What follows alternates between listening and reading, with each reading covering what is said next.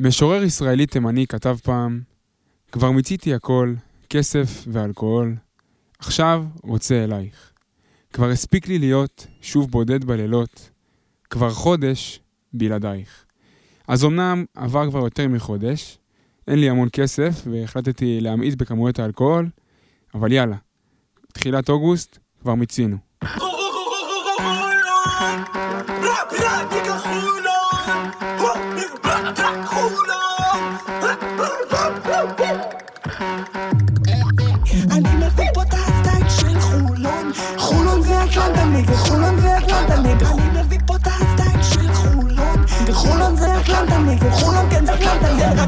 הסטייל של חולון חולון זה אטלנטני וחולון זה אטלנטני של חולון חולון זה אטלנטני וחולון כן אטלנטני יום שלישי, שני באוגוסט 22, שעת ערב באולפני המקלט שבחולון. היום אנחנו עם uh, סגל שמבוסס רובו ככולו על שחקני בית. הסגל הזה היום מתכנס כדי לחזור ולשים את הכדורסל במרכז. אחרי שחודש יולי היה חודש של uh, מתיקות, אסקפיזם, התרפקות על שחקני העבר ו- ו- וסיכום יציע ועניינים. היום אנחנו משנסים מותניים לקראת שיא הקיץ כדי באמת לנתח, לעבד, לסכם את כל מה שאירע עד עכשיו בקיץ בתהליך של בניית הקבוצה. אז uh, שלום לכולם, שלום uh, אוהד אבנשטיין, מה שלומך? אה, הכל טוב. אתה, אמרתי לך לפני, לפני הפרק, אתה... יש בך משהו יותר קורן בפרקי ערב. כן, אני, אני אוהב את הפרקי ערב, מה שכן, למזגן פה לא התרגלתי. לא התרגלת עדיין? פעם היה לי מאמן שאמר לי, אה, טיגנתי אותו על הספסל והוא עלה אש. ככה, ככה אני מרגיש אז שאני- ככה אתה מרגיש? סבבה, אז אנחנו שמים לך את התנאים המתאימים. סתיו טבוך, איך המרגש? מעולה, מעולה, ערב טוב. אני רגיל ל- למזג אוויר הזה, התאמנתי בפחים כמה שנים, או, אז אני יודע מה זה מזג אוויר כזה. אפרופו פחים, הפח הראשי, מאיר עובדיה, מה שלומך? גם אני התאמנתי בפחים. נו, ערב טוב לכולם, מה נשמע? איך אתה מרגיש? בסדר, נחמד. אתה גם מתחבר כאילו לפתיח? מיצית את העניין של הקיץ, או שאתה... אני, האמת שכאילו, אני אוהב את הקיץ, אבל אני לא כל כך מרגיש אותו בזמן האחרון. אה, אני חושב שצריך לסכם אותו. את מה? את הקיץ. כבר סכם? חכה. יאללה, בוא- בוא נתחיל... רגע, אה, רגע, חכה. אתה יודע שאני לא אוהב את רגע. הדברי הוא- פתיחה, הוא אני אוהב אה, ישר פשוט על ביזנס. ספידים. יש יורו בסקט. איך אפשר לסכם את הקיץ לפני היורו מה בסקט? זאת אומרת? לא יודע. טוב, טאוך, תקשיב טוב. אני ואתה נחכה לפרק שרוי לא יהיה, ואנחנו נעשה רק יורו בסקט. תלוי, אם יש שם יותר מעשרה שחקני BCL, רועי ירצה לבוא. טוב.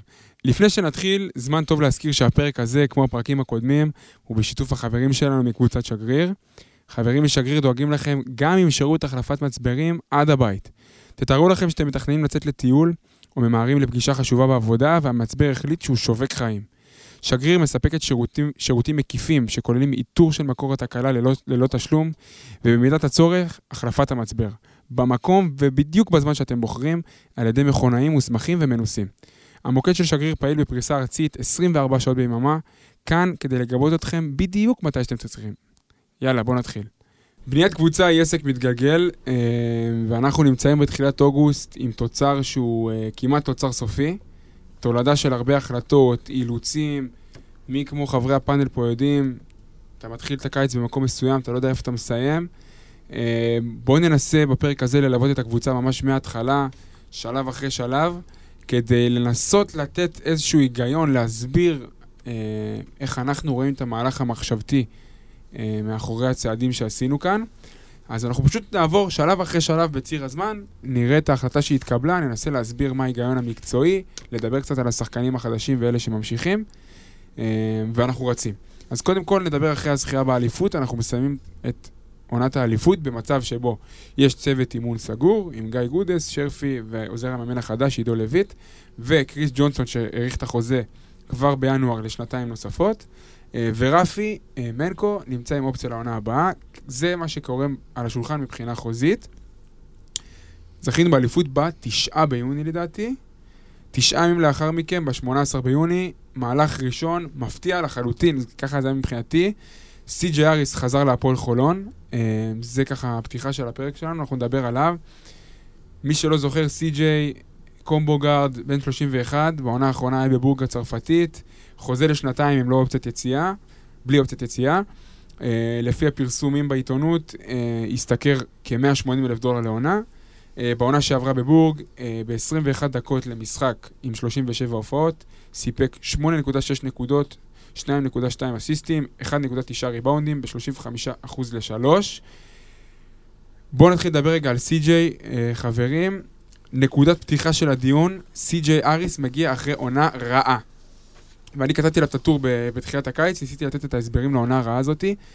זה לא מספרים של סי.ג'יי. אה, גם מבחינת הכלייה מבחוץ, גם מבחינת התפוקה שלו. מי שקצת עקב אחרי בורג העונה, ומי שהסתכל רגע על סי.ג'יי אחרי שהגיע, הוא פתח את העונה, נפצע, הייתה לו פציעה של איזה חודש ומשהו. גם ש- קורונה היה לו. והיה גם קוביד, והגיע לקבוצה עם, אה, עם טיפה אה, היררכיה לא ברורה בקו האחורי. עד שהוא הצליח להיכנס לעניינים, הביאו לו את נוריס קול על הראש בסוף העונה. והעונה הזאת היא עונה מפוספסת. א' כל קרמי זה ביץ', סבבה, נתחיל עם זה, דפקת לנו ברז ועכשיו אתה חוזר, מודה ועוזב ירוחם, מודה וחוזר ירוחם. שאלה, השאלות ש, שצריך לשים אליו לב ב- ב- ב- בהחתמה של סי.ג'יי, מה שהוא ייתן כשלעצמו על השולחן אנחנו מכירים כולם. האם הוא ההתאמה הנכונה ליד ג'ו רגלן טאבוך? איפה, ה... איפה המינוסים והפלוסים? אני רואה את זה בעיקר כאילו סימני שאלה הגנתיים. קודם כל תגיד לי אם אתה חושב שהתקפית, מי יותר fit ליד רגלנד, מגי או הוא? אני חושב שמגי. אני חושב שגם אה, אנשים בקבוצה יודעים שזה מגי, גם בגלל ההגנה של מגי, כן, וגם זה, זה, התקפית, זה. שיש את ההיררכיה בעמדות. סי.ג'יי הוא יותר קרוב לאחד מאשר למגי, ורגלנד כמובן נכון. שהוא אחד טהור. אז uh, כמובן שמגי יותר מתאים, אבל סי.ג'יי אריס זה, זו מניה בטוחה לדעתי, למרות העונה הקודמת הפחות מוצלחת שלו.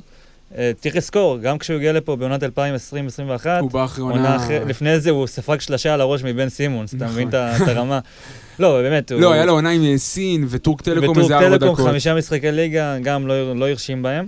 התקשה מאוד uh, להיכנס לקצב בעונה הזאת, ואז הגיעה גם הקורונה ו- וכל המשתמע מכך. אבל אתה מסתכל על הדבר הזה, יש פה שחקן שאולי אתה הולך אחורה מבחינת הפיט בקו האחורי.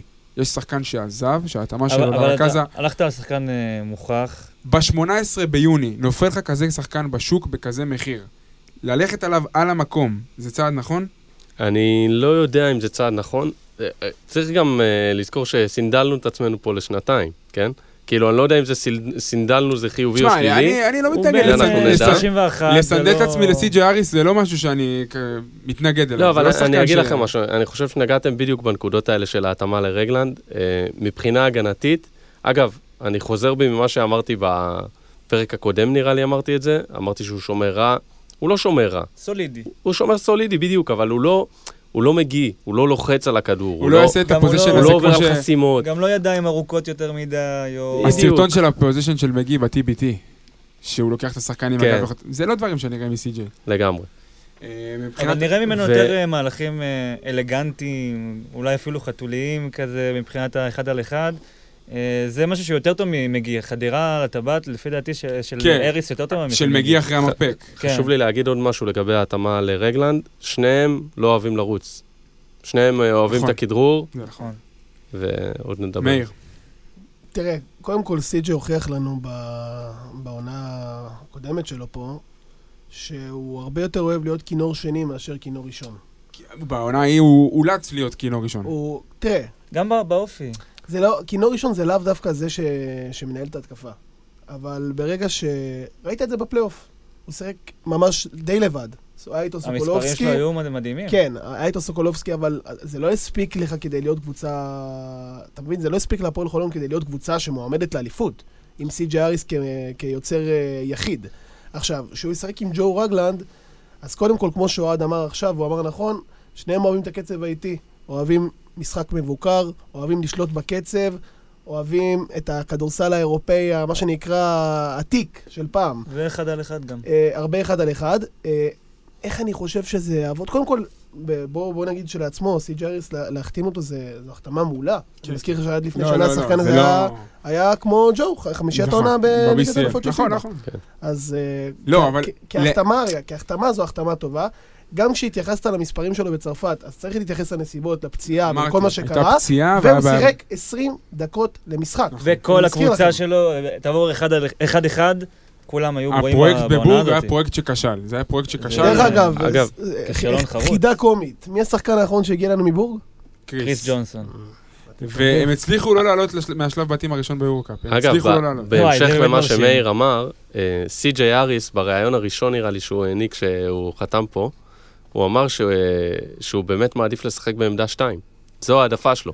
עכשיו, הוא, הוא גם, אה, ראיתי משחק שלו ב- מהשנה שעברה של בורג, ובאמת, הוא פתח את המשחק כרכז, אבל הרבה הרבה דקות הוא שיחק בעמדה 2. זה, זה משהו שלא ראינו כמעט אה, עם דדס, כי מגי לא ממש יכול לשחק כרכז. אני חושב שהתקפית לא תהיה בעיה התקפית זה- התקפית אני חושב שזה- בהתאמה עם רגלנד. הגנתית, יצטרכו הגבוהים, שאנחנו נגיע אליהם בהמשך, יותר אה, לחפות. אתה יודע מה, אפילו ברמת האופי, אני חושב שהשילוב בין סי.ג'י אריס לג'ו רגלן הוא הרבה יותר נכון. טוב מטיירוס וג'ו, כי... מבחינת כי- מאמן, קלאס של אגואים. כי סי- כי סי.ג'יי, קודם כל, הוא יותר מופנם, הוא יותר שקט, הוא פחות... גם יותר אה, חכם יותר במשחק שלו. חכם, הרבה יותר חכם. ולג'ו זה חשוב, זה פחות תנועות ידיים במשחק. נכון, ועוד משהו, זה שאם תשים לב, סי.ג'יי אוהב להגיע לסיטואציות שהוא לא, שהוא לא מוביל את הכדור, כשמורידים ממנו את הלחץ, ואז הוא חופשי לשחק את המהלכים שלו, הוא חופשי לחדור לטבעת, הוא חופשי להוציא את הפס החוצה, הוא מעדיף. להיכנס להתקפה בשלב השני של ההתקפה? אה, כן, אה, אה, תראה, כן, כן. תמשיך. לפי מה שאני ראיתי כאילו בבורג, כן, זה, זה מה שהוא עושה, הוא, לפעמים יוצא על שתי חסימות, מקבל את, ה, את הכדור אה, אחרי מהלך אה, שכבר התחיל בהתקפה, ואז עושה את ה pick and roll עם איזה split, או... או... בצרפת הייתה לו קבוצה עם ריווח אה, גרוע מאוד. כל הג'קורים וראינו את- וויליאמסים של העולם היה לו וראינו קשה. אצל דדס כמה ריווח רלוונטי נכון. מבחינתו. אבל מה לגבי העניין שהוא פציע? באמת, יש לו את העניין הזה ב... אתה אומר לי את זה תמיד. לא, למה פציע? לא, אבל אני- בהפועל חולון לא ראינו יותר מדי בעיות של פציעה. של פציעות. א' כל טפו לא יודע. טפו. אבל אני לא חושב ש... הוא. היחיד ששרד לך עד הפלייאוף. זה גם נכון. בעונה ההיא הוא נשאר נקי בגיל המציאות, אז אני חושב שאם אנחנו נסכם רגע את העניין הזה של סי.ג'יי, מבחינת ניים, מבחינת יכולת להחזיר, יש גם ערך בלהחזיר שם מוכר, אה, בלהביא שחקן שהיה פה חמישיית עונה, אה, בשכר גבוה, אה, עם המעמד שלו, גם פה וגם בכלל באירופה, אני חושב שזה רכש מצוין. השאלות שלו זה שאלות של התאמה, וזה עבודה של צוות מקצועי. אם אני שואל אותך התקפית בליגה, מה היו המספרים שלו מבחינת נקודות? מה אתה אומר? בעונה שלו פה, בעונה בעונה שתהיה. חמש- בעונה שתהיה, בעונה ש- בעונה הקרובה. אה, כמה אני מצפה או כמה אני רוצה? כמה אתה מעריך? כמה אני מעריך אחרי העונה הזאת בצרפת. 14, שניים וחצי אסיסטים. אוקיי. אני חושב שיותר אסיסטים, אבל באזור- באזור הזה של הנקודות. אם, תראה, ב- ב- פחות בסוף- מדלטון, כן? זה, תראה, טבוך, אני, אני מאוד מעריך את מה שאתה אומר, אבל בסוף, אני לא חושב שהמספרים של סי.ג'יי זה, זה יהיה מה שיכריע אם העונה הזאת תהיה טובה או לא, גם אישית שלו. כי ברגע ש...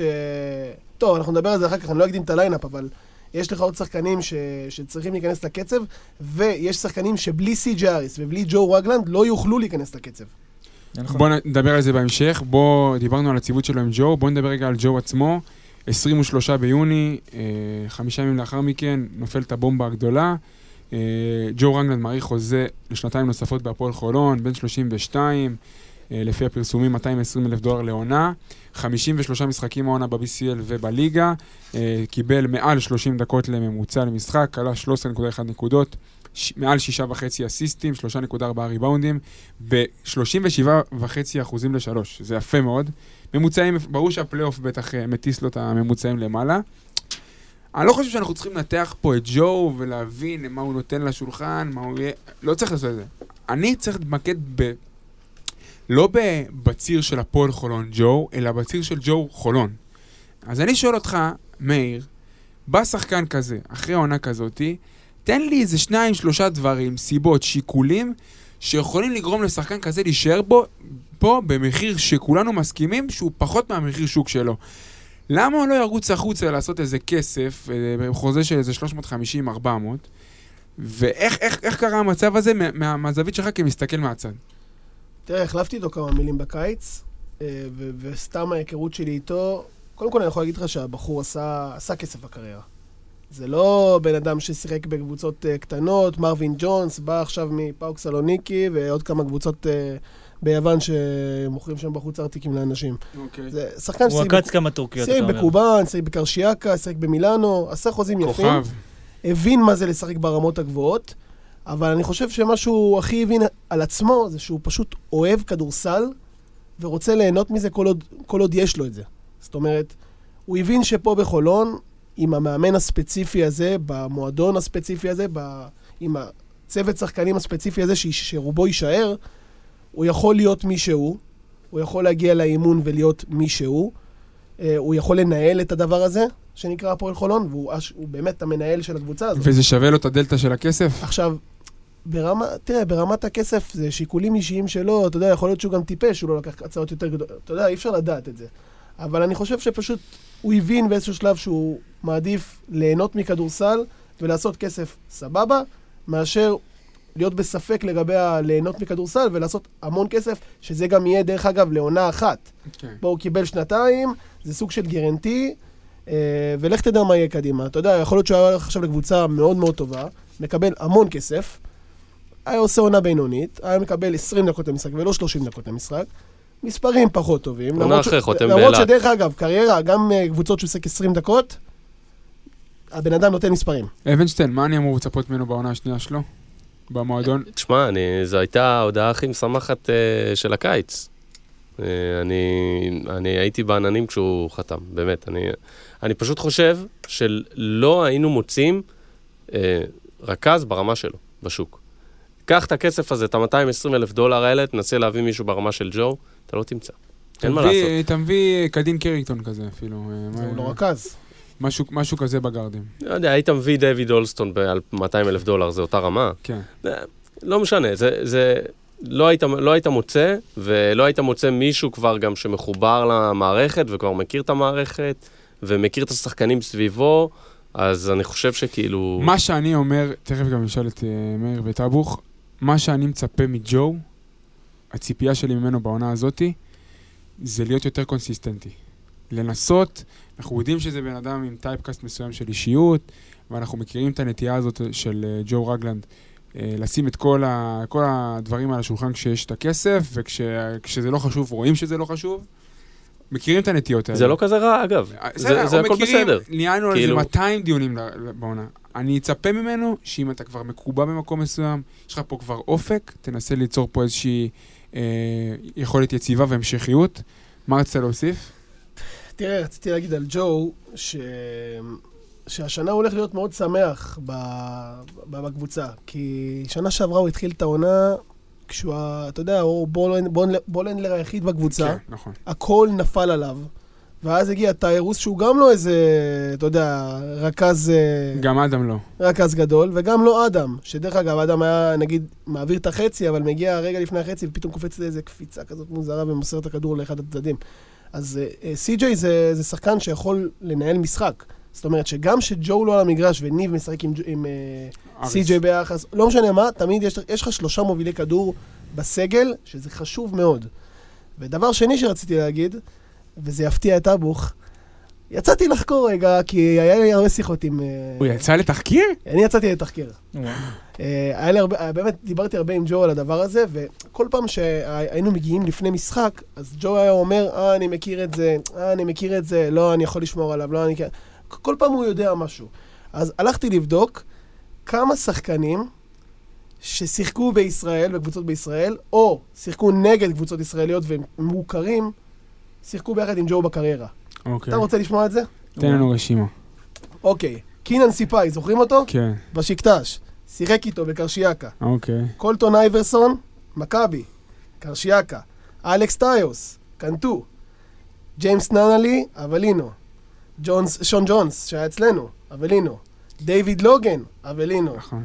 ליווי רנדולף, הבחור החדש של ירושלים, ליווי רנדולף ורגלנד היו, אה, נו, עמי ותמי. וואלה. הם היו צמד חמד. קריס באב, קובן. מה יש לי פה עוד? דימיטרי קולגין, האגדי. האגדי של, של צסקה, גם קובן. קייסי ריברס, הכוכב. בילי ברון, שחקן מילאנו היום, הכוכב. פרפרוגלו, הכוכב. מייק צירבס, זוכרים אותו? כן. הכוכב. ועוד שחקן שאמרתי, רק רועי יכיר אותו, בכוונה הוספתי אותו לרשימה, הוא לא מעניין. וויס קלארק, אתה יודע מי זה? כן, ההוא הוא של ברינדיזי. אה. בואנה, הוא דפק הצגה עכשיו ב-TBT, בחצי גמר. מי ניצחו בסוף?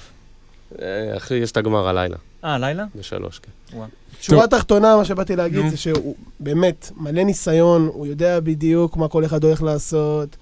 אה, וזה, וזה מכין אותו טוב למשחקים, ובגלל זה אתה רואה, אתה יודע, אתה רואה שהוא משחק ב- בבקרה, הוא יודע בדיוק מה הוא עושה. רוי- רוי הזכיר את זה, אבל לי יש חשש מה late bloomer יות הזאת, שהוא יגיע... אה, יגיע עוד חודש, לא יודע מתי יתחילו האימונים, לא fit, וייקח לו זמן... אבל הוא אמר נכון, אם הוא- גם אם הוא מפציע בפברואר, יש לך בן אדם שיסחוב את הקבוצה עד פברואר. רגע, נכון. אבל גם במשחקים של ה play-in, כאילו, מה, מחקתם אותם? במשחקים של ה play-in הוא היה אדיר. נכון, נכון.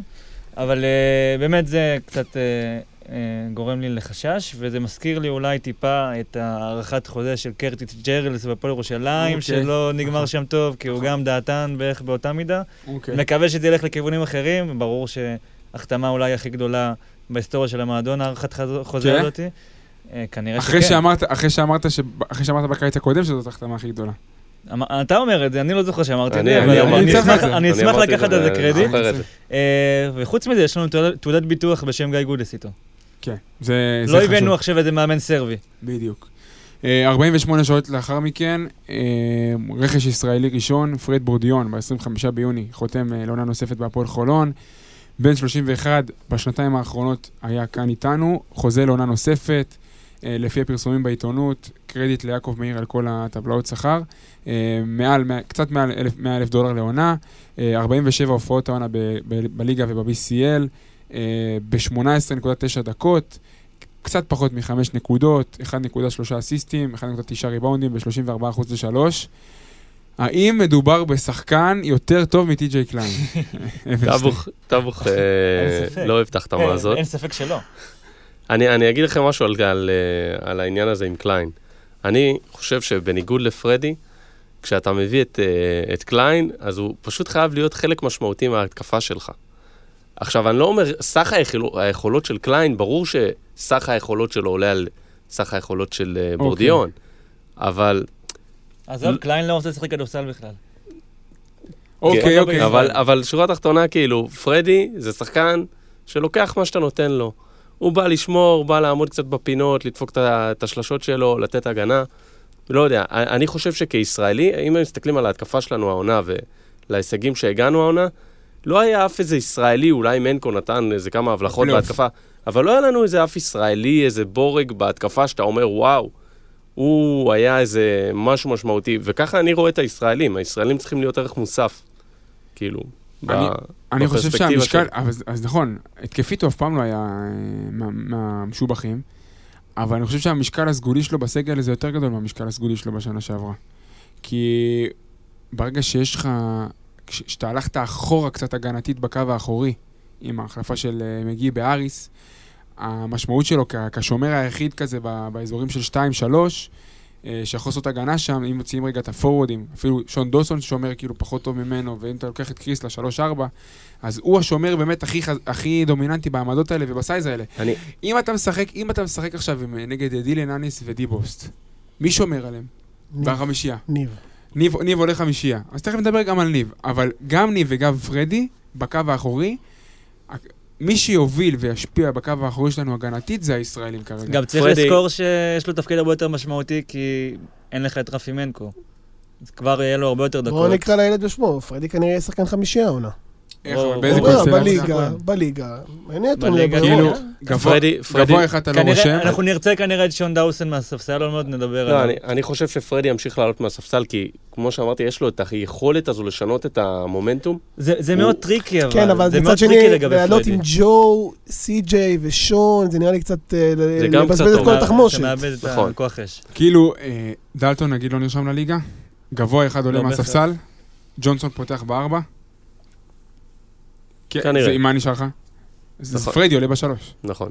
אז אה, כאילו, זה- זה מה שהגיונית לדעתי יקרה. או פרדי או ניב.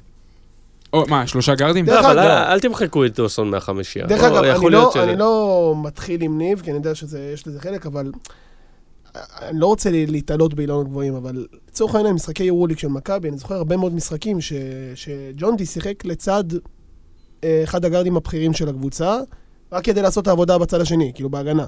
ולא צריך אה, למחוק את זה, כי ג'ו וניב למשל, שהם היו משחקים השנה, דרך אגב, משחק בבשיקטש, בפליין, שדיברת עליו, שיחקו כמעט כל המשחק ביחד, כל וזה היה- זה. עבד מדהים. זה עבד כן. מדהים. זה היה גם משחק טוב של ניב. מילה אחרונה של פר- מילה אחרונה שלך על פרדי, אתה... איך, מה אתה מצפה ממנו העונה?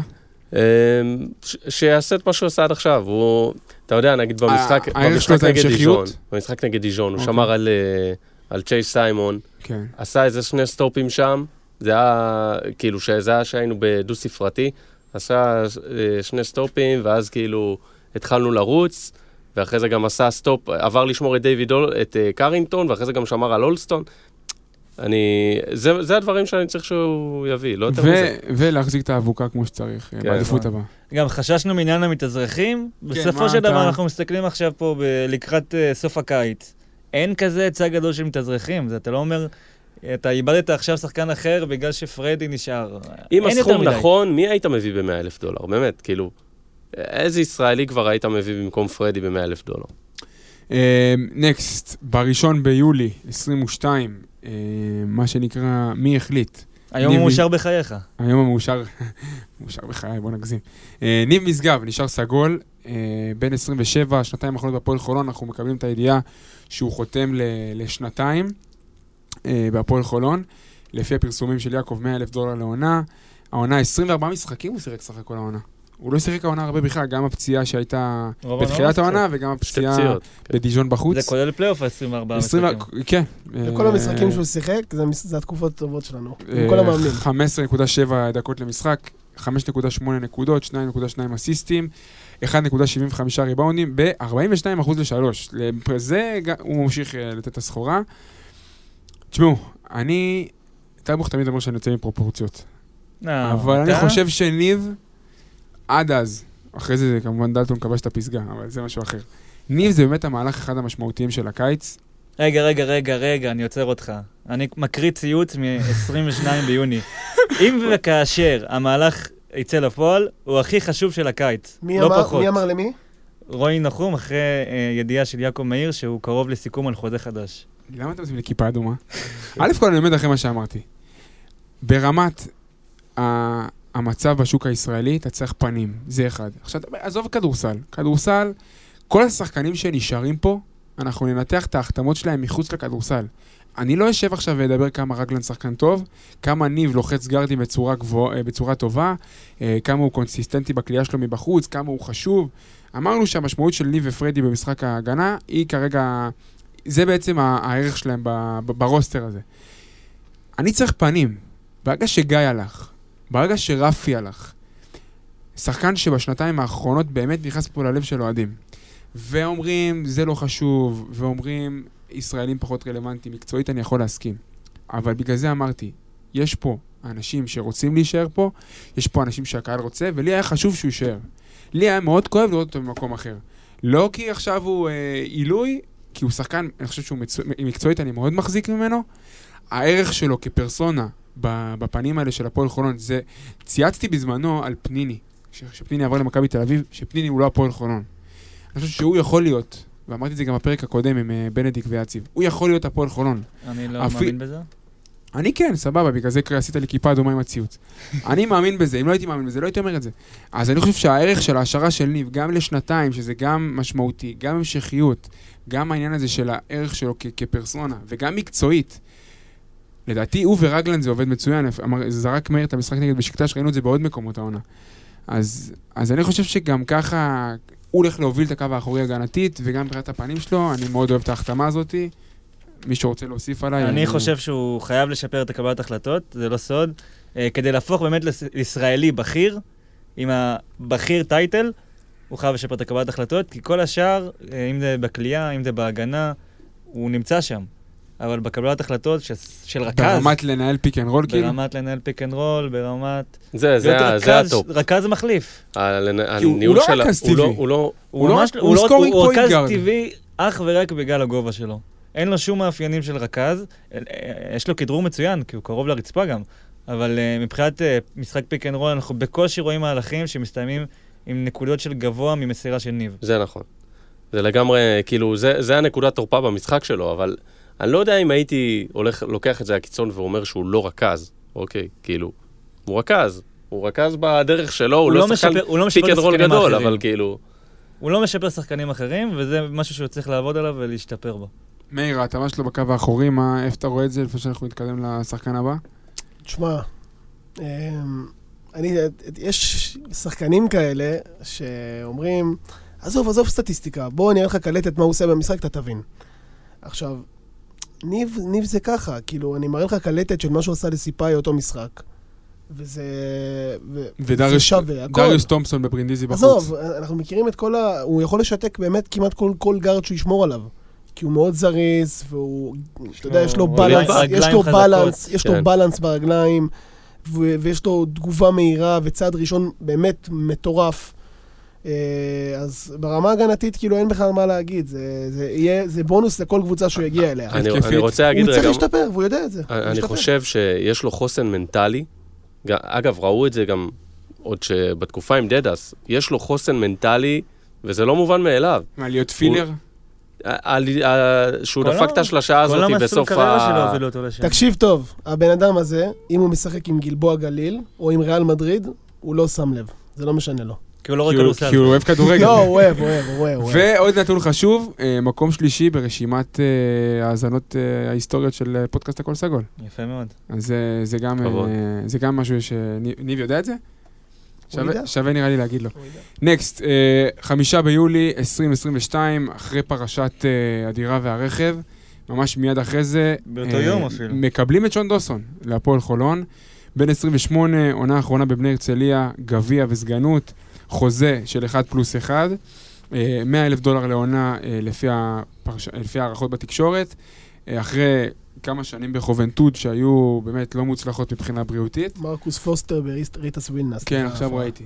אה, עכשיו וואלה. ראיתי. אה, 29 משחקים לשון דוסון, אה, העונה, עשרה מהם בחמישייה, שזה גם אה, נתון שצריך להתייחס אליו. תשע נקודות, פחות, קצת פחות משני אסיסטים, 3.3 ריבאונדים, ב-23% ל-3. טאבוך, מה אני אמור לצפות משון דוסון, ואיך אתה רואה את החשיבות שלו בסגל הזה? קודם כל נתחיל... גם פלוסים, גם מינוסים. תן לי, אנחנו לא רק... מ- אני אתחיל קודם כל מפיקנטריה. אבא שלו ג'ו, התחנה הראשונה בקריירה בישראל, אם אני לא טועה, הייתה הפועל חולון נכון. לפני 35 שנה. עכשיו גם שוני יגיע אלינו. אה, חוץ מזה, בארץ הוא מעולם לא שיחק בקבוצה עם קהל אוהדים עם בסיס חזק, ובפעם היחידה שהוא עשה את זה, שזה היה בברדלונה, הוא אולי היה חביב הקהל. ככה שזה היה? מעניין לראות איך הוא יהיה החיבור של שוני עם הקהל, זה באמת ממש מסקרן אותי. הוא פרסונה.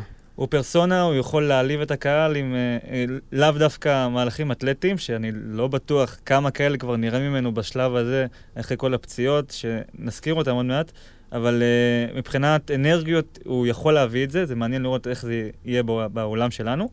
אה, ברמת הפציעות, אני חושב שרוב מי שמאזין לנו יודע שהוא עבר פציעות קשות מאוד בספרד, אחרי הפתיחה החלומית, שהוא היה שחקן חמישייה ובדלונה, הוא נפצע בברך, ואז חזר. אחרי עשרה חודשים, במשחק הראשון שלו, אחרי שתי דקות קרע גיד אכילס, וואו. ומשם כבר היה לו קשה אה, לחזור ליכולת ההיא, ובעונה השלישית שלו כבר הוא דעך בבדלונה, וחזר להרצליה בעונה החולפת. אה, רכבת הרים, מה אפשר להגיד על השנים האחרונות? פשוט רכבת הרים. גם בעונה הזאת בהרצליה, הוא, היה לו תחילת עונה לא טובה, ואז באזור אה, גביע. הגביע הוא היה בשיא שלו, שחקן של מאני טיים, אה, אבל אה, שוב, לקראת סוף העונה, היה לו כאבים קצת בגיד אכילס, לפי מה שהבנתי. הוא נעדר מכמה משחקים, ושוב קצת דעך. בסדרה נגדנו הוא לא שבמשחקים נגד מכבי תל אביב, שוב פעם, מאני טיים, מיכל מנורה, הוא הגיע לשם. אבל בגמר הוא לא היה טוב. במשחק השלישי, למרות שבמשחקים הראשונים הוא לא היה כזה טוב.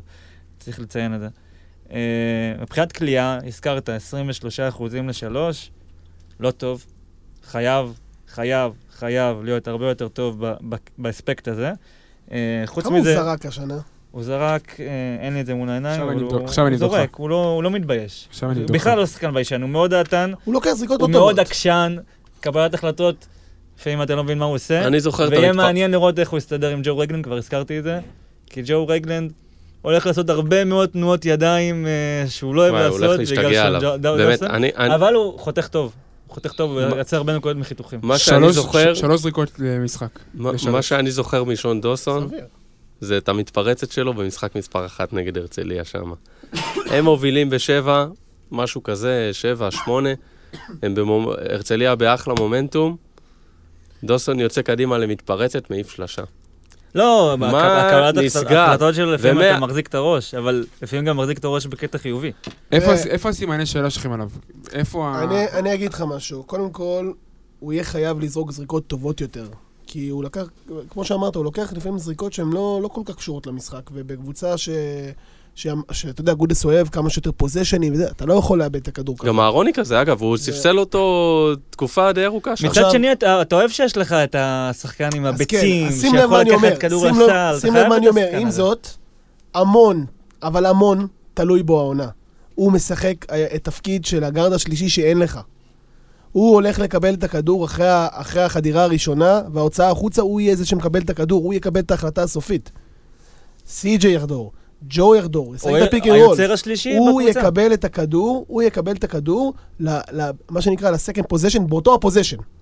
הוא- הוא יצטרך לדעת לקבל החלטות, הוא יצטרך לעשות נקודות, ואם הוא יחזור על 15-16 בספרד, או בעונה שלו בהרצליה לפני שהוא עזב לספרד, או בעונה שלו בראשון, העונות בראשון, הוא כבר הוכיח שהוא יודע לייצר נקודות. אם הוא רק ייצר נקודות, לא, אף אחד לא מבקש ממנו לייצר אסיסטים לאחרים. מה עם יש מי? שייצר לאחרים. מה עם הגנה? הוא שומר לא רע. רגע, יש בקבוצה מי שייצר לאחרים. הוא צריך להתעסק בלהביא נקודות, בלתקוף את הטבעת כמה שיותר, כי אין לנו את הגארד השלישי השנה, וזה המון עליו, המון. עכשיו, כרגע, יודע, כרגע אין לנו גר שלישי. הרבה שואלים, הרבה שואלים אם שון מגיע כמחליף לרפי, או כמחליף ל- ל- לגיא, אז זה לא. הוא לא מחליף של רפי, והוא לא מחליף של גיא. יש כאן שינוי של סיסטם. נגמר השלוש שעומד בצד וקולע שלשות, או השלוש אה, החכם שמסדר לך את המשחק. אין את זה יותר. יש לך היום שלוש, שהוא גם שתיים, סוג של go to שהוא guy. יוצר, שהוא go to guy, שהוא אמור לקבל את הכדורים ולדעת מה לעשות איתם, וכמו ש... אני לא יודע מי אמר את זה, אבל זה סוג של הזדמנות אחרונה שלו, כי הוא כבר בן 28, והנה הוא חוזר ל- לסוג של במה גדולה, אחרי הפציעה הקשה שהוא עבר, שתי פציעות קשות שהוא עבר, וזה עכשיו, ה- אתה יודע. זה- ובגלל זה, חשוב שהוא יעלה מהספסל. כשיש לך בחמישייה, נניח, את ג'ו והריס, זה פשוט לבזבז להעלות אותו בחמישייה. להעלות אותו מהספסל. מה- אם- מה שכן, אני, אני חושב שהוא כן צריך לשחק המון עם ג'ו, כי רק ככה הוא יתאים את עצמו לסגנון של ג'ו האיטי. כי שון אוהב לרוץ, ואנחנו אוהבים, אנחנו אוהבים משחק ריצה, משחק ריצה זה חשוב, אבל מה וגם עם גודס, גודס? גודס גודס מאוד- אוהב. לרוץ- עם הכדור, לא רק לרוץ. גודס מאוד אוהב לרוץ, אבל אה, יש פה עניין של התאמה, שיכול להיות שזה ייקח קצת זמן בהתחלה, אבל שון, אה, שון דאוסון יצטרך להתאים את עצמו לסגנון של ג'ו. אה, עם ניב למשל הוא יוכל לרוץ כמה שהוא רוצה, כי ניב אוהב לרוץ ומעיף את הכדור כמה שיותר קדימה. אבל עם ג'ו, הוא יצטרך לדעת שהוא מחכה קצת בהתקפה בשביל הכדור, אבל הוא בסוף יקבל אותו. ושוב, אנחנו צריכים מה לקוות לצפות ממנו שלא בהגנה? נקבל את בן רייס 2.0. די כבר, זה תפסיק תמיד להגיד את זה. אותי. תפסיק להגיד את זה תמיד זה יפחיד כבר. אותי. פעם שנייה שהוא אומר את זה. זה גם פעם עשירית שאני אומר את זה. זה, אני לא יודע, יש לי תחושה רעה. מה אני אמור לצפות ממנו בהגנה, טבוך? הגנתית הוא שומר סולידי, פלוס אפילו. לא, לא, לא הייתי אומר. הוא יותר, הוא לא הכי חכם בהגנה, הוא לא יעשה לך עזרות של רפי מנקו, שאתה לא יודע כאילו איפה הוא נמצא, והוא פשוט נמצא בכל מקום. הפנייה. אבל בהגנת אחד על אחד הוא טוב. ראה חדירה של טיירוס רבע האחרון במשחק האליפות. הפנייה. אה, שהוא עצר באמצע נראה לי. די, נו, הוא לא, הוא לא שומר גדול, אני לא אומר שהוא... הוא גם לא שומר רע. שהוא קונוס, הוא לא הוא לא קונוס. שומר רע. אבל... אה, הגנה אישית לא רעה בכלל, גם שחק בספרד, בוא. יש שומרים רעים בספרד? כן, אבל שיחק בספרד, הביאו אותו לספרד בשלב מסוים בקריירה שלו, והוא עזב את ספרד בשלב מסוים בקריירה שלו, קרה משהו בין לבין, נכון, נכון. זה הוא איבד קצת. אפשר להגיד שהוא ברירת מחדל? כן. מבחינת הבחירה שלנו? ברור. מה, ראית מתי הוא חתם? מה- מהבכירים שנשארו, נראה לי שהוא די בוא מהאחרונים. נגיד את זה ככה, אם היה אפשרות עכשיו להשאיר את רפי, היו משאירים את רפי. כן. ברור. התשובה היא כן. אם היה אפשרות להביא את נמרוד לוי, עוז היו בלייזר. מביאים את נמרוד לוי. התשובה היא כן, כנ"ל גם לגבי אוס בלייזר.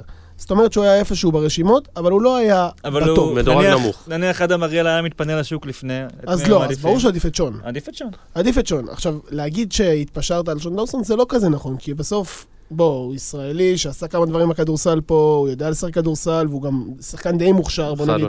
בוא נגיד את זה כמו שזה. בוא נקווה שהוא ישחק יותר משחקים עם הסרט הזה שהוא שם לקראת סוף עונה, כי הוא היה יותר טוב עם זה. חיכיתי שתגיד דבר כזה, איך אתה... את השטויות האלה. אה, טוב, אז זה שון דוסון. לדעתי הוא ה- הוא הנקודה המעניינת של העונה. לראות איך הוא ישתלב. מאוד חשוב. ו- ובאמת, כמו שמאיר אמר, אני מצטרף לדברים, מבחינת משחק התקפה, הרבה על הכתפיים שלו. 22 ביולי, שימו לב, 17 יום שהיה לנו מדבר, אז מגיעים... התחילו לפחד ל- כבר עם כל עניין אה, זהו, net עש- credit והכל. 22 אה, ביולי מגיע אלינו מרווין ג'ונס. אה, סנטר, לא יודע, 4.5, 5, stretch 5. השחקן הכי גבוה בתולדות הפועל חולון. באמת? באמת? יותר מצ'וברביץ'? יותר? זה ה fun fact? בסנטימטר? לא, יש לי משהו אחר, זה על קאג'י.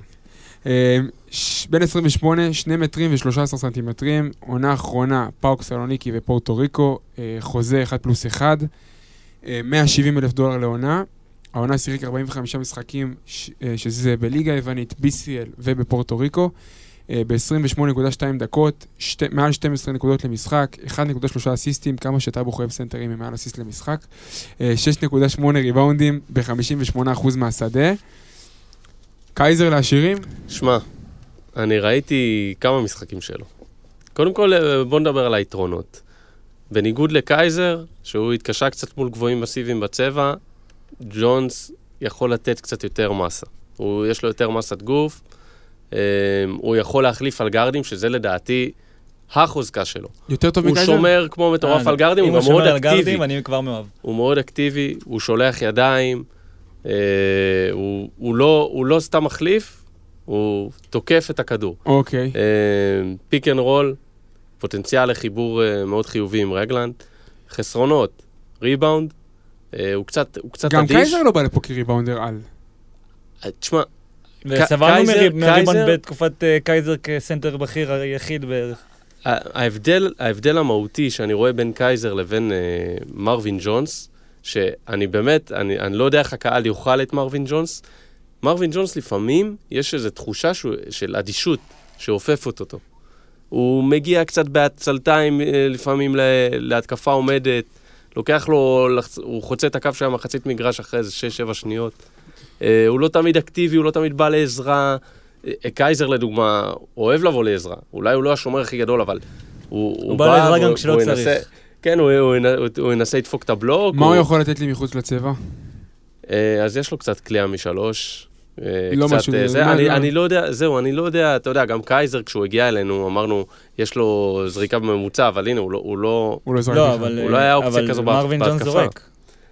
קייזר מעולם לא זרק שלשות. מרווין ג'ונס בעונה- לא. בעונה האחרונה פיתח את זה ושכלל את זה, והוא זורק, אה, הוא זורק שלשות. זה, זה יכולת שיש לו, לא יודע אם זה, זאת תהיה האופציה שלנו בהתקפה, אם אה, ילכו לזה. אני מקווה שזאת לא תהיה האופציה הראשונה שלנו בהתקפה. באופן כללי, ג'ונס הוא דמות קצת אניגמטית מבחינתי. אם זה הקריירת מכללות המוזרה שלו, לא, לא יודע איך לתאר את זה אפילו. וואו, זה, הדרך זה שהוא עשה. זה מטורף. זה באמת, אני לא מבין, לא מבין כאילו את, ה, את התקופה הזאת. מה, הוא באופן החליף? כללי, היה לי מאוד קשה למצוא עליו מידע.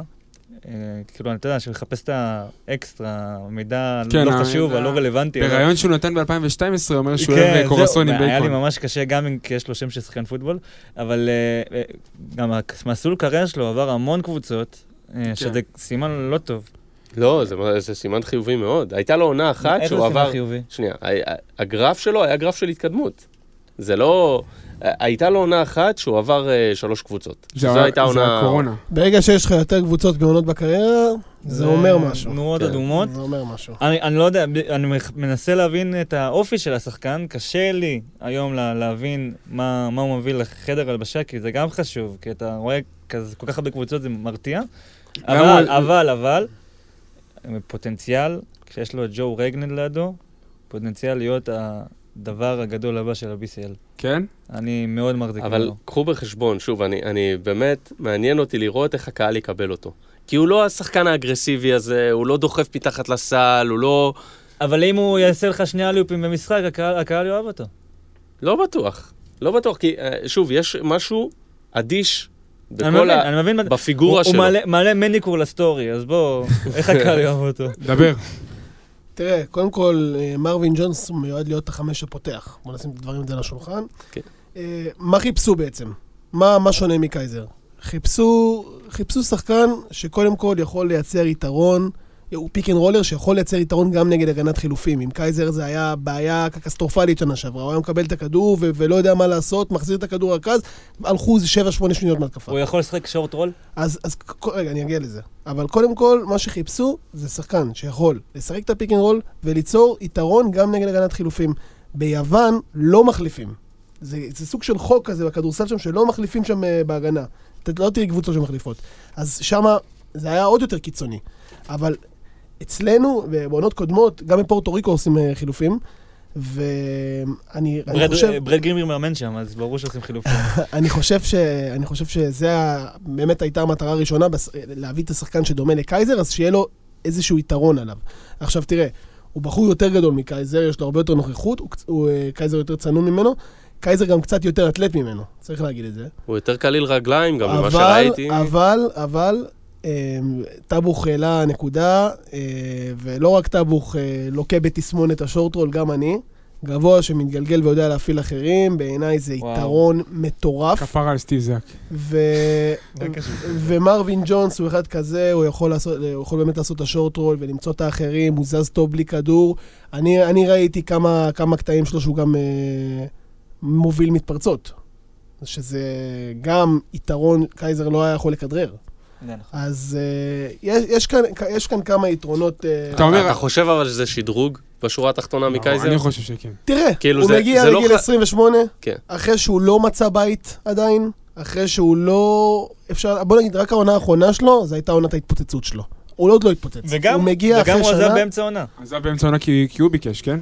הוא ביקש לעבור לפורטו ריקו באמצע העונה כדי כדי לקבל יותר כסף. אני לא יודע מה המוסר תשלומים זה- שם גם בפאור. זה מה שהיה, זה הסיפור עם פאור יכול להיות. תשמע, יכול להיות שהבעיות... זה קבוצה אה, גדולה בפורטו ובפורטו ריקו. ריקו המספרים שלו ירדו משמעותית. אז, אז בניגוד, בניגוד לקייזר, ש, שהגיע לכאן אחרי עונה, אני לא אומר עונה רעה, אבל עונה טובה, נקודה. מה? בריגה. ריגה הוא היה... היה עונה טובה. חמישייה שנייה.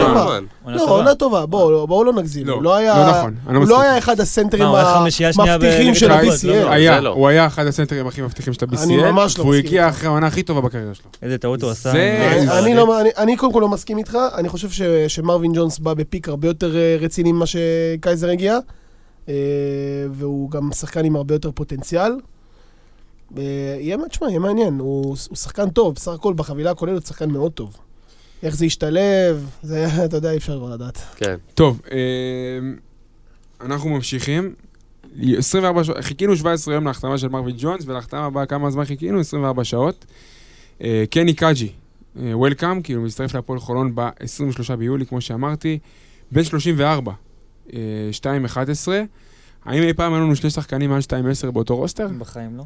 אתה אומר את זה כאילו... לא לא צריך לבדוק. לא צריך לבדוק? לא. אה, 2-11, העונה האחרונה בגרבלין דנקרק, היה המחליף של איתי שגב, אחרי שאיתי שגב הלך. אוקיי. אה, תן לי עוד שחקן שישחק בגרבלין ומשחק בהפועל חולון.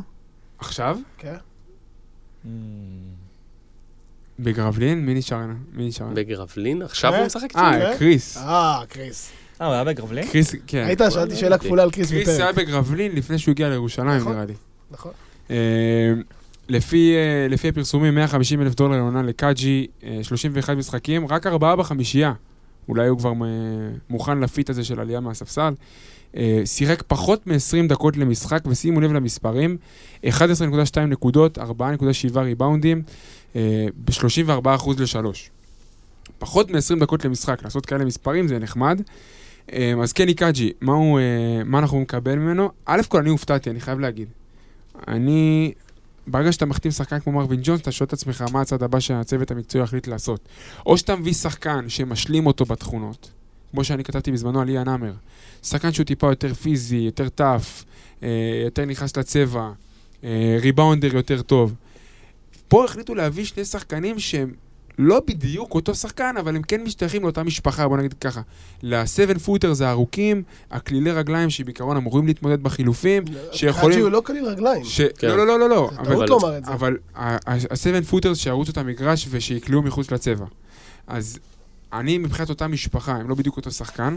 אני חשבתי שיביאו שחקן אחר. שיביאו, אה, לא יודע מה, shot blocker כזה, ש... או, או אפילו אני power חשבתי forward, power forward שיכול לשחק בסנטר, שיכול כמו לשחק חמש. מיטשל, אקיל מיטשל חשבתי. משהו זה, כזה. קאג'י הוא ארבע. קאג'י גם יכול לשחק קאג'י הוא חמש ארבע, לדעתי. חברים, אני לא יודע על מה אתם אה, מדברים. הוא קאג'י הוא ארבע, אבל אני חושב שבליגה שלנו מה, הוא לא יכול לשחק חמש?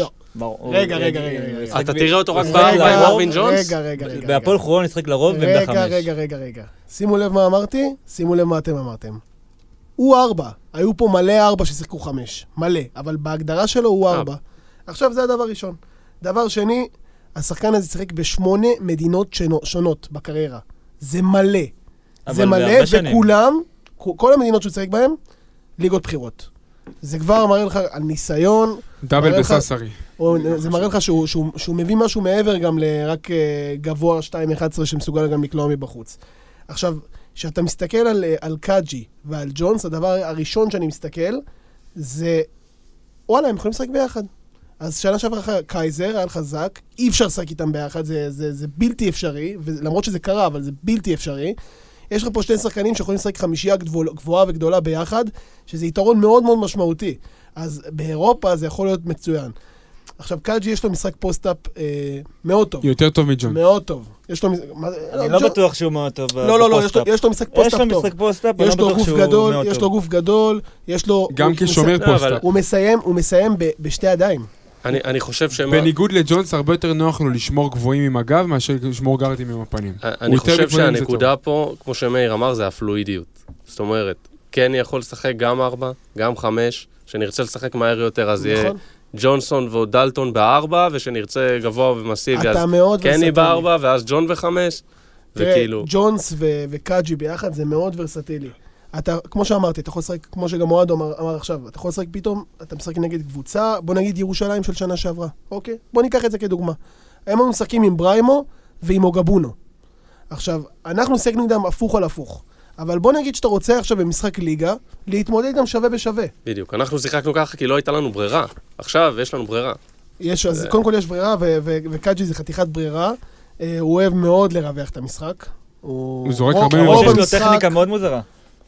אה, הוא זורק יותר כמו... פיקים קצת הוא בחוץ. זורק כזה כמו ג'ק רוין כזה, הייתי אומר. לא. אני חושב שהוא מאוד דומה, אני אני אמרתי למאיר, אני אגיד את זה ככה, הוא אני מאוד מזכיר לי את ג'יי כהן. הוא מזכיר את אני ג'ק אוהב רוין. להתעלות לי את ג'יי כהן באילנות יותר. גבוהים, ואני מזכיר לי את אל אורפורד בהתקפה. אתה משווה אותו לשחקן NBA? מה פתאום? תסביר את אבל? למה, תסביר למה. גם מבחינת סייז, גם מבחינת טכניקת זריקה מוזרה כזאתי, אה, גם מסה, אה, גם שניהם שיחקו בפלורידה. שניהם מאוד מזכירים אחד את עם מי הוא השני. שיחק במכללה? טאבוך? בפלורידה? כן. אה, לא, הוא שיחק במיאמי עם אה, שיין לארקין. ואחרי זה? בפלורידה הוא שיחק עם בטח עם הרבה שחקנים. צ'נדלר פרסונס ואלכס טיוס. היה לו הרבה. אה, חוץ מזה, הבטחתי עובדה לא חשובה עליו. אה, הוא שייך לאחת, אה, רוי דיבר על משפחות קודם, דיברת על משפחות גבוהים, אני מדבר עכשיו על משפחות אה, אמיתיות, שייך למשפחה אחת מהעשירות בקמרון. די. וואו. אה, המשפחה שלו הם אה, יצר, יצרנית הבירה הכי גדולה בקמרון, משווים אותה לבדווייזר האמריקאית, כאילו. ברמה נו, הזאת. אז יאללה, שיבוא בחינם, בוא נביא עוד שחקן. אז אה, פרדי, חבר, רגע, אבל הבנתי שהפועל חולון מחפשת ספונסר ראשי. יכול להיות, אפשר לדבר עם משפחת קאג'י. חוץ מזה, אלה-. פרדי חבר בקבוצה שמדבר איתו באותה שפה. אה, הוא מדבר צרפתית? מדבר צרפתית, הוא, אם אני לא טועה, גם נולד בצרפת. אה, חוץ מזה, אז אני אשאל אותך שאלה, טאבוך. תנסה לדובב לי את, אה, את אה, קאג'י. למה אתה עוזב את המדינה שהיא בערך סוג של הבית שלך, שאתה מדבר בה את אותה שפה, בשביל עכשיו לבוא, לצאת להרפתקה בגיל 34, ולבוא פה למזרח התיכון, שיכולים לשלוח עליך איזה... אתה יודע, הגיל לא מעניין אותי. צריך, יעקב מאיר ישאל אותו בט- בטח באיזה ראיון. מה מה שמעניין אותי, זה אם אי פעם הייתה קבוצה בליגת העל עם שני שחקנים, לא עכשיו אה, רוברט רוטברט ברוטציה הרחבה. אה, לא, ב- כאילו, בגילים צעירים. אני מדבר שני שחקנים מעל 2-10 באותה קבוצה, שחקנים אה, משמעותיים. ועוד אצלנו, כאילו אצלנו אנחנו קבוצה ששנים יש בעיה של size. אבל, אבל שנים יש בעיה של size כל העניין. הזה של ה size, ושניהם לא ריבאונדרים כאלה גדולים, שניהם לא איזה, לא יודע, איזה ח- מפלצות אבל ריבאונד. היי, יש לך את איידן דלטון. הופה, חכה. עוד מילה אחרונה, כאילו יוניקורן. לפני שמתחילים. אה, רק אני אזכיר, ניסיון אירופי, אני מאוד אוהב לדבר על זה, חשוב. תשע שנים הוא מסתובב באירופה, היה בסאסרי, עשה שם דברים מאוד גדולים באיטליה, עם תארים. ברינדיזי, ריטס, טרבזון ספור, שנתיים בבורסה ביורו קאפ, אסטודיאנטס בספרד, לכו תראו קליפים שלו, הוא נותן אה, דנקים על towers. אני לא אומר שהוא יעשה את זה פה, כן? כי זה היה בכמה שנים אחורה. טורק טלקום, אה, ש... לפני, לא העונה הקודמת, עונה שלפניה ב-2021, עונה מצוינת בבורסה ספורט, ב- ביורו קאפ, היה מצוין. אה. בוא נדבר על הגנה. בהגנה, לא, בעצם לא. בהגנה. אה, אני לא אגיד כאילו... הוא לא שומר גדול. עוד פעם, אמרתי, את זה- אמרתי את זה מקודם ואני אזכיר את זה עכשיו. יש לך יותר מה למכור בהתמודדות עם גבוהים מסיביים שמשחקים עם הגב לסל. אם אתה צריך מישהו לשים גוף על חמש יריב, אתה שולח אותו, הוא עושה את זה יחסית בצורה טובה. ומה עושים אם החמש היריב הזה מגיע לחסום למעלה, ואז צריך יפה. לה- להגיב איכשהו, נכון, לחזור מהר, נכון. או לעלות לחילוף? האם יש לך אז? מענה הגנתי למהלכי פוסט? כן. האם זה שחקן שאתה יכול לבנות עליו בטיפולי pick and roll? לא. בעיה. אה, זה- זה החבילה, אתה אתה לא יכול יודע. להחליף איתו גם בניגוד לג'ונס. אי אפשר להחליף איתו. עוד פעם, זה החבילה. אה, אני חושב ש... גם עושה הרבה עבירות. ב... זה חלק, מה... זה חלק מאותו מכלול של מה שמאיר אומר, הכבדות. נכון. יש לך size, לדעתי הוא גם יותר עבה מ- מג'ונס אפילו. יש לו, הוא כן. ענק, מבחינת size, יש לו. size מדהים. הוא size גדול, ועוד פעם, הוא לא זיזיץ' ב pick and roll.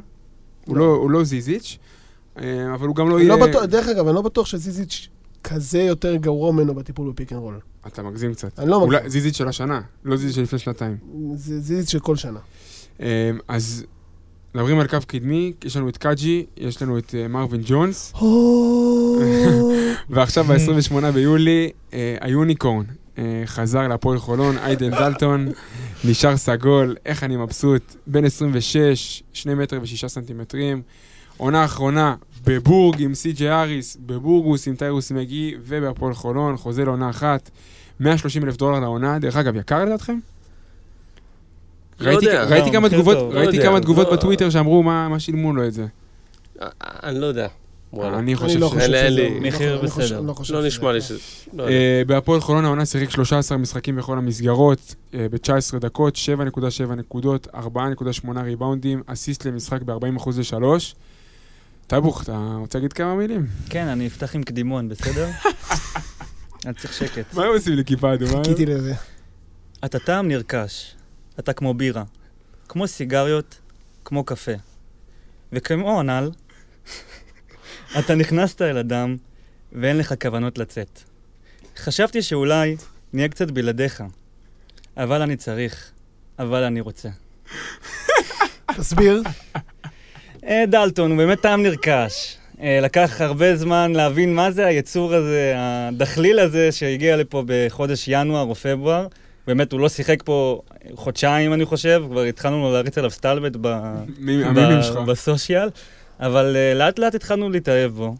אה, הוא ברירת מחדל דרך אגב? ממש לא. לא? ממש לא. כי אף- אף אחד לא פנה אליו, הרי נראה לי... מאיפה אתה יודע שאף אחד לא פנה אליו? לא יודע, זה זה מה שהשמועות אומרות. אה, עזוב אותך שמועות. אני לא, בטוח שהיו לו... אני לא בטוח שבתחילת מצוין. הקיץ האמינו שהוא כן, ימשיך פה. בגלל זה אני חושב שהשיר הזה התאים, נכון. אה, אבל אם היה לך גבוה עם תעודת זהות כחולה, אתה לא חושב עליו. כנראה הוא לא היה נשאר פה. זהו, נמרוד לוי מגיע נגיד. הוא לא היה לא, נשאר. אה, ברור שהוא לא היה פה. הוא לא היה פה. אה, תראה, זה...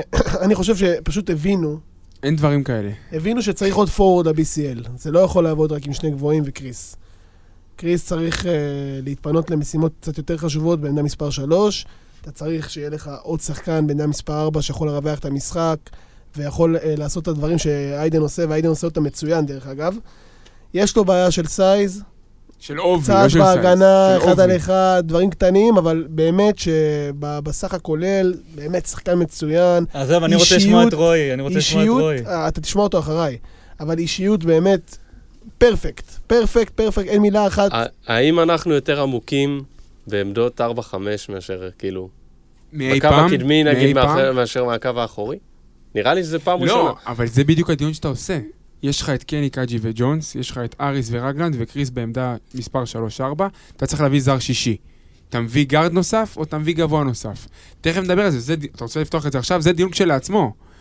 האם ההחתמה של דלטון היא איזושהי החלטה של המערכת שהולכים לקו קדמי יותר עמוק, או שלא מצאו גארד בכסף שנמצא, אני לא חושב להביא שזה לא משהו- כי לא מצאו גארד, אני חושב שזו החלטה תראה, מקצועית. לגמרי. בסוף, אם אתה מביא לפה גארד, הוא יכול לשחק לך כנראה בעמדה מספר 1 ו-2. לא לא בטוח שהוא יכול לשחק באחד. לא, כן? אבל כאילו- אפשר היה להביא שלוש. כאילו שהיה דלטון, היה אפשר להביא זר דלטון, בעמדה זה- שלוש. דלטון משחק בשלוש עמדות, הוא יכול יכול להיות לשחק בשלוש, הוא יכול להיות ארבע, ואם אתה רוצה לעשות קצת אה, קאמבקים לשנה קצת שעברה. אתה כן, יכול גם אבל לשחק איתו בחמש. הוא לא השלוש הסטנדרטי. לא, ברור שלא. מה זה סטנדרטי היום? תגיד לי. הוא לא- הוא לא- הוא לא שחקן סטנדרטי. מה ההבדל, מה ההבדל, באמת, כאילו, סליחה שאני, אבל מה ההבדל בין כמעט כל שחקן בעמדה מספר 3 שהוא pure shooter, לבין דלטון? מה ההבדל? תשמע, אני... אתה יכול להוציא אותו לחסימות? כן. אתה יכול, אתה יכול להוציא לו את הכדור החוצה ל catch and shoot? הוא לא- הוא לא כן. מהשלוש שיוצרים. בסדר, לא כל שלוש חייב ליצור. זה- דיון נכון. פילוסופי. לא, הוא לא... זה נכון, השאלה אם. אתה לא צריך עוד לא- יוצר. דרך אגב, קריס הוא שלוש לא לא קריס- יוצר? לא, הוא לא מה. שנקרא בשפה המקצועית קומבו פורוורד דן שמיר. הוא לא זה. בדיוק. הוא לא לא כזה. בסדר, לא כולם נגיד, חייבים אה, להיות כאלה. טנריף החתימו שחקן, קוראים לו אלג'ין קוק, הוא שחקן כזה. אבל הוא לא שחקן כזה. זה שחקן... מה מה השאלה שלך? לא? תמשיך. אני פשוט עפתי על זה. אני, אולי מבחינה קונספטואלית, אני חוזר דקה לדיון הקודם, אולי אני יותר מתחבר לרעיון של שלושה גארדים. אם אה, דיברנו עם מאיר וטייבוך וגם איתך במהלך כל- הקיץ, אולי היה נכון להביא יותר גארד זר אה, עם אוריינטציה הגנתית, אחד שישחק בעמדה שתיים וחצי כזה וישמור על, אה, על גארדים גדולים, אולי. בהינתן המצב, זה שחקן שמבחינת סט יכולות, יש לו סט יכולות של שניים וחצי, שלושה שחקנים. הכמות דברים שהוא עושה על הפרקט, ברמה יחסית סבירה.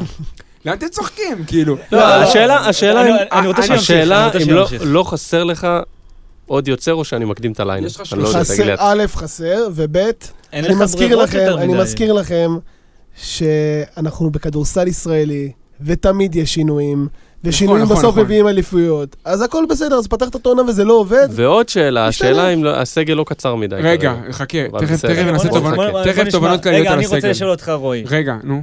האם אה, דלטון הוא שחקן של אה, אחד על אחד מכדרור? אמ, אני לא חושב שהוא שחקן של אחד על אחד מכדרור, ברמה, ברמה הטבעית, אבל הוא כן יכול לעשות דברים מכדרור. למשל, לקבל את הכדור על ה perimeter, לתלוש אה, ולחדור. אה, תסתכל, אתה... זה לא בדיוק מה רגע, שהוא שאל. זה שינוי. גרסה קל. תקשיב, אתה... אני חושב שאין דברים כאלה בשוק. אין דברים כאלה. למה? שחקן- למה ארבע עם קליעה אין בשוק? תקשיב, זה שחקן עם סט יכולות. אה, אה, אייזאה מיילס זה ארבע עם קליעה. אתה משווה... זה אתה- מיילס הרבה יותר מגוון ממנו. תקשיב, אתה חושב שאייזאה מיילס, מבחינת הדברים שהוא מביא לשולחן, השחקן, יש לך שחקן ב roster, שחקן אחד על אחד כל. שחקן מביא כמות מסוימת של סקילים לשולחן שאתה יכול להשתמש בה. לך למשחק מספר 1 נגד בני הרצליה. איידן דלטון לא קלע 30 נקודות, הוא קלע נראה לי 11 נקודות. כל נקודה ונקודה שהוא קלע היה בסוג אחר של הפעלה. היה possession שג'ו, הוא עשה pick and roll עם ג'ו רגלנד, עף לטבעת לדנק. היה possession שהוא יצא על חסימה, קלע מבחוץ. היה פוזיישן במשחק מספר 2 שהוא עשה תנועה ללא כדור, קיבל מפניני, חתך לתוך הצבע ושם 2.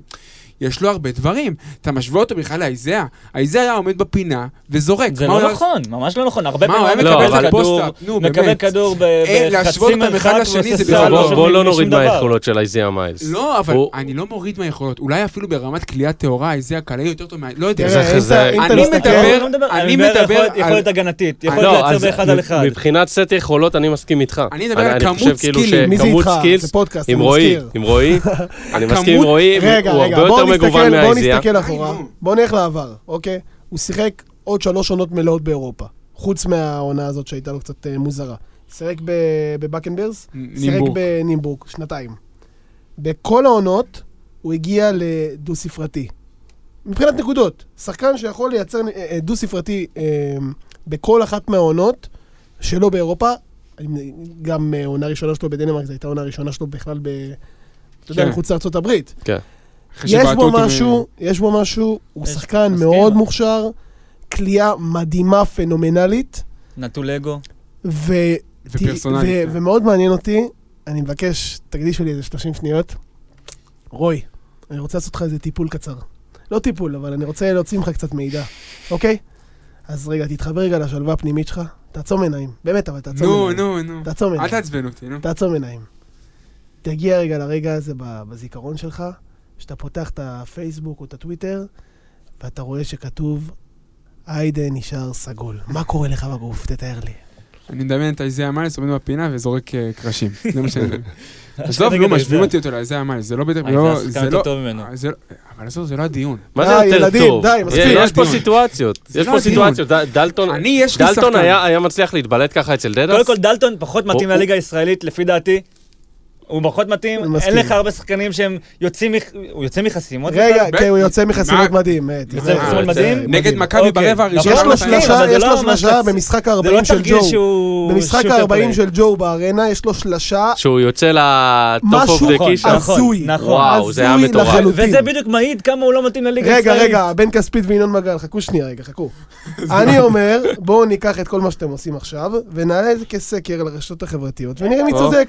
תמונה של טאבו, הפוך, תמונה של רוי. אבל מה השאלה? מי שחקן יותר טוב? לא. זה לא מי השאלה. הייתם לוקחים, אתם בונים קבוצה עכשיו, הפועל חולון. אה. את מי אתם לוקחים? אבל איזאה מיילס בלי פציעה. איזאה מיילס... לא, ברור שהם פציעה, בלי לא, פציעה, זה? על קביים. לא, לא חושב שחזר מפציעה שלו ביוון. עזוב, אני איתך. דלטון בשיא שלו, מיילס בשיא שלו. מי אתם לוקחים? אין ספק. לא, אבל, אבל תקשיב, זה גם תלוי סיטואציה. לקבוצה של דדסה אני יאללה, לוקח את אבנשטיין, אתה. מצביע ראשון, את מי אתה לוקח? זה תלוי. אה, לא תלוי. עכשיו, עכשיו, היום, עכשיו. היום, אתה חייב אם אני להחליט צריך אקדח לבחור לרקה. השחקן הראשון שאני עכשיו, לוקח, כן. דלטון. מה, הנה, יש לך כבר מצביע נו, ראשון. אתה בינתיים עושה בלאגן או שאתה גם נוקט עמדה? אני בינתיים מנהל את ההליך, ואני אני אביע דעה. בהמשך. סמרטוט, לא ראיתי דבר כזה. טוב, אה, רק נסגור רגע את הדיון. מילה אחרונה, החלטה נמהרת, היינו צריכים לחכות אולי לעוד גארד? אולי יהיה סוף אוגוסט, תחילת ספטמבר, לראות מה נופל בשוק? לא. בואו נראה מה שהוא נותן, וכמו שאמרתי מקודם, תמיד אפשר לעשות שינויים במהלך העונה, ואם יהיה מה צריך תעשה הגעה, אבל תאמין אם- לי אם שיהיה פה אם עוד שון גארד. חס וחלילה קורה משהו? אז מביא עוד שחקן. לא, איזה ישראלי אתה תביא? בסדר, מסתדרים, אחי. מה next? אפרופו ישראלים, המהלך... אה, רגע, רגע. את מי תביא? קודם כל, מה שהוא אמר זה מה? חשוב. מה? זה חשוב, אי אפשר- אי אפשר לזנוח את זה. מה?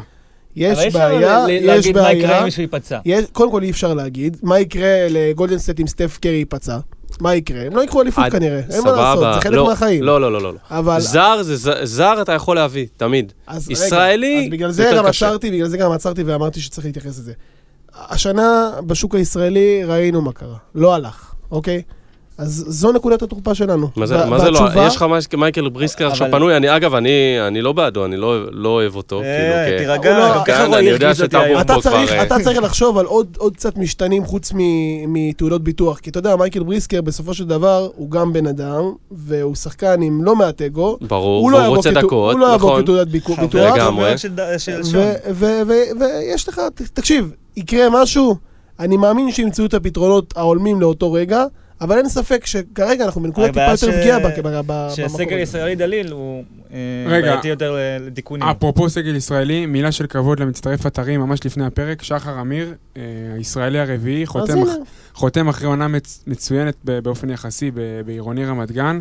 מילה שלכם, אתם הקפטן יותר אחרי ליגה לאומית, טל בוכמאיר, אה, מה אנחנו מצפים, ואתה יודע מה, בואו לא ניכנס רגע ליכולות הפרטניות, מה הוא מביא, מה הוא לא מביא, כי זה אני מניח שנראה.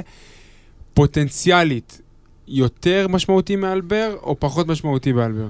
רגע, אה, קודם כל רקע, הוא בן 23, נכון? כן. יליד 99. הוא גדל באילת עד גיל 15, אה, ואחרי זה עבר למחלקת נוער של הפועל תל אביב.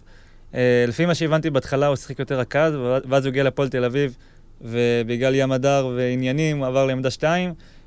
היום הוא, אי אפשר להגיד שהוא רכז, הוא שחקן בעמדה 2, בגלל הגובה הוא גם, יהיה לו קשה לרדת לעמדה 3. מטר שמונים ושש. מטר שמונים ושש בלבד. אה, מה הוא מביא? הוא מביא כליאה, מביא הגנה, מביא אסל, וזה מה שאתה מצפה משחקן ישראלי היום. תראה, אני חושב שבסך הכל של כל הדברים, עידן אלבר הוא קצת יותר מוכשר ממנו, צריך להגיד את זה.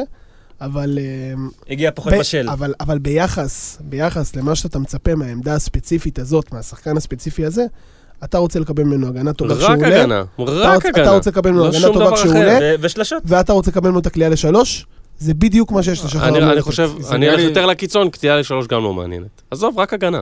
כמה הוא ישחק? דרך אתה- אגב, הוא רץ את- הוא הוא גבוה- רץ את מה, הוא המגרש, הוא רץ את. המגרש, מ- אני אומר לך, מדהים, מדהים, מדהים, מדהים, מדהים, מדהים. רץ אני אני לא מצפה ממנו לאחד על אחד, אני מצפה- מצפה ממנו כמו פרדי מבחינת אה, אה, מה שהוא מביא לשולחן, לא פחות, מבחינת אה, אה, כמויות. כן, פחות או יותר, לא רק- מבחינת כמ- רק שיש לו- כמותית, יש מבחינת, לו אה, לשולחן. הרבה יותר טוב משל פרדי, אני לא בטוח. מאה אחוז. אני, רק לפי המספרים של יעקב מאיר, אני הכנתי את זה מראש, כל הישראלים שלנו ביחד, 305 אלף דולר, כל הישראלים של הפועל תל אביב, 640 אלף דולר. זה לפני העלות אז מעשית. בוא, אז בוא, אז הנה, נכנסנו רגע למספרים.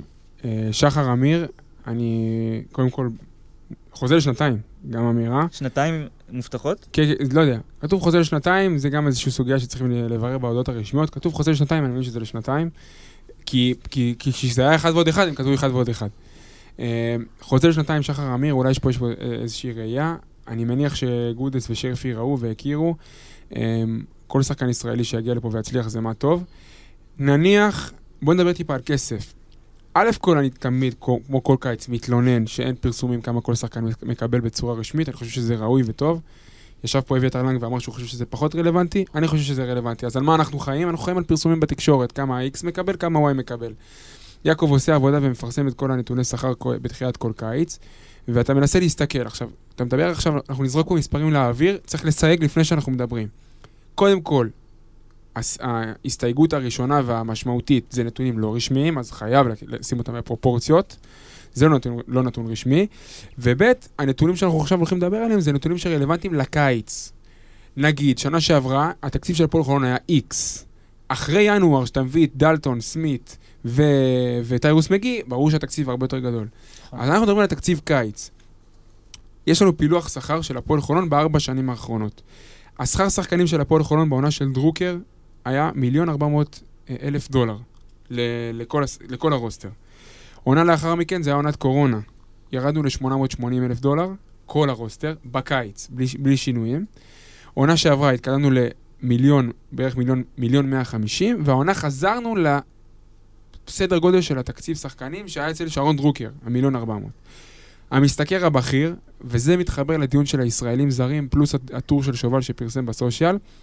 בעונה של דרוקר, עמית שמחון על 180 אלף דולר המשתכר הבכיר, בעונה של הקורונה, טיירוס מגי 130, בעונה שעברה קריס ג'ונסון 180 אלף דולר, והעונה ג'ו רגלנד עם 220. והנתון מבחינתי שהוא הכי מעניין, מדברים על, על תחושות של קהל. לפעמים זה גם מגובה בנתונים. שכר ישראלים מתוך השכר שחקנים, מה שאתה אמרת. בעונה של שרון דרוקר, ב-19-20, שזה לפני ארבע עונות, שכר הישראלים היה 51% מכל העוגה, לפי הפרסומים בתקשורת. 50, מעל, כמעט חצי. היה לך יוגב, ריצ'י, פניני ושמחון, זה וואו. היה, מלא. היה את זה. ומעל 50% מהשכר הלך לישראלים.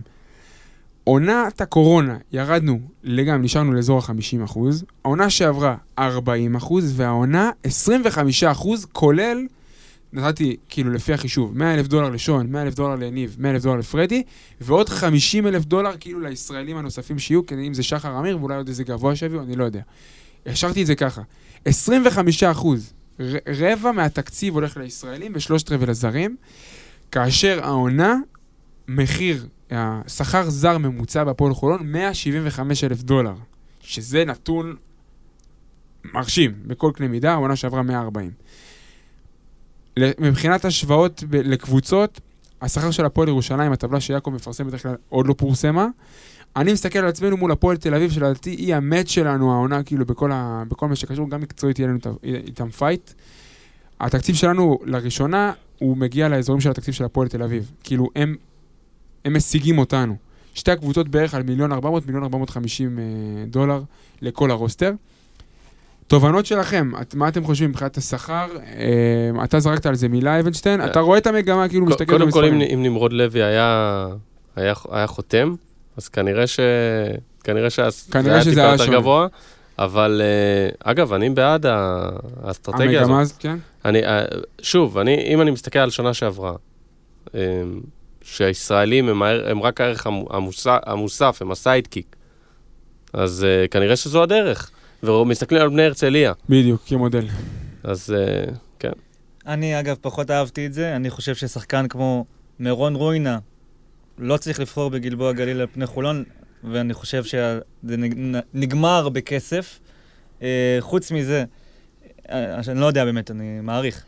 חוץ מזה, אני רוצה אתה פשוט לדבר... על- אומר שכסף היה עוזר, כאילו, כסף היה פותר את נכון. הבעיה. השאלה, כמה כסף גם? אני לא יודע, אני לא, לא רוצה להגיד סתם דברים שאני לא יודע. אה, חוץ מזה, אם אני מסתכל בהשוואה לשנה שעברה, אה, אני אעשה השוואות בין אה, זרים, נניח ג'ונס לעומת קייזר, ג'ונס מרוויח יותר מ-20% יותר.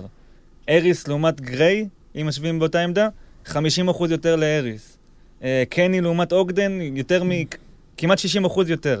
רגלנד, ואני לא, לא מדבר על זה שקיבל כמעט 50% תוספת, ומיסגב בכלל עשה קפיצה משמעותית. זה מעיד כמה השכר לשחקנים עלה, אה, ובאמת חסכנו בישראלים. יש לנו, אני לא יודע להגיד אם שחר אמיר ייכנס באמת לרוטציה והכל, אז זה אומר שיש לך שלושה שחקנים הוא חייב ישראלים. להיכנס- חייב להיכנס לרוטציה. יש לך שלושה שחקנים ישראלים בכירים העונה הזאתי, לעומת ארבעה בעונה הקודמת. מינימום מה שהיה דורי סער שנה שעברה לבני הרצליה. איזה מינימום. איזה דורי סיטואציה סער לא טובה, ברוטציה. איזה דורי סיטואציה טובה. לשחר לא. אמיר. איזה סיטואציה. שחר אמיר נכנס לסיטואציה טובה. הוא נכנס, תקשיב, לסיטואציה פשוט מעולה, כי אתה יודע, לא- זה לא שהוא מתפלל עכשיו בבית שמישהו ייפצע, אבל יכול להיות שכן. ואם זה קורה, הוא... תראה, יש לו תפקיד מאוד משמעותי. אם לא יביאו אתה יודע. לא יביאו לא יביאו איזה מישהו בהשאלה. לא. טייבוך, נשאר עוד איזה משהו בישראלים בשוק? יש לי רשימה, אני חושב שרוב השמות לא רלוונטיים. אתה מסתובב עם הרשימה עליך ביום-יום? בטח. אה, וזה כל הזמן מתעדכן.